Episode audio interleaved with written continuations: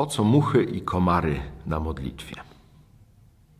Myślę, że każdy z nas ma takie doświadczenie, że w modlitwie w takim czy innym momencie przeszkadzał mu komar czy jakaś mucha, a może wiele komarów i wiele much, i wydawało się zupełnie nie da się modlić. Oczywiście taka jest e, natura i much i komarów, że są upierdliwe, mówiąc krótko, ale tu chodzi o to, czy bardziej koncentrujemy się na duchu, czy bardziej koncentrujemy się na ciele. Takiego zmagania musimy doświadczyć, żeby to jakoś nas sprawdziło.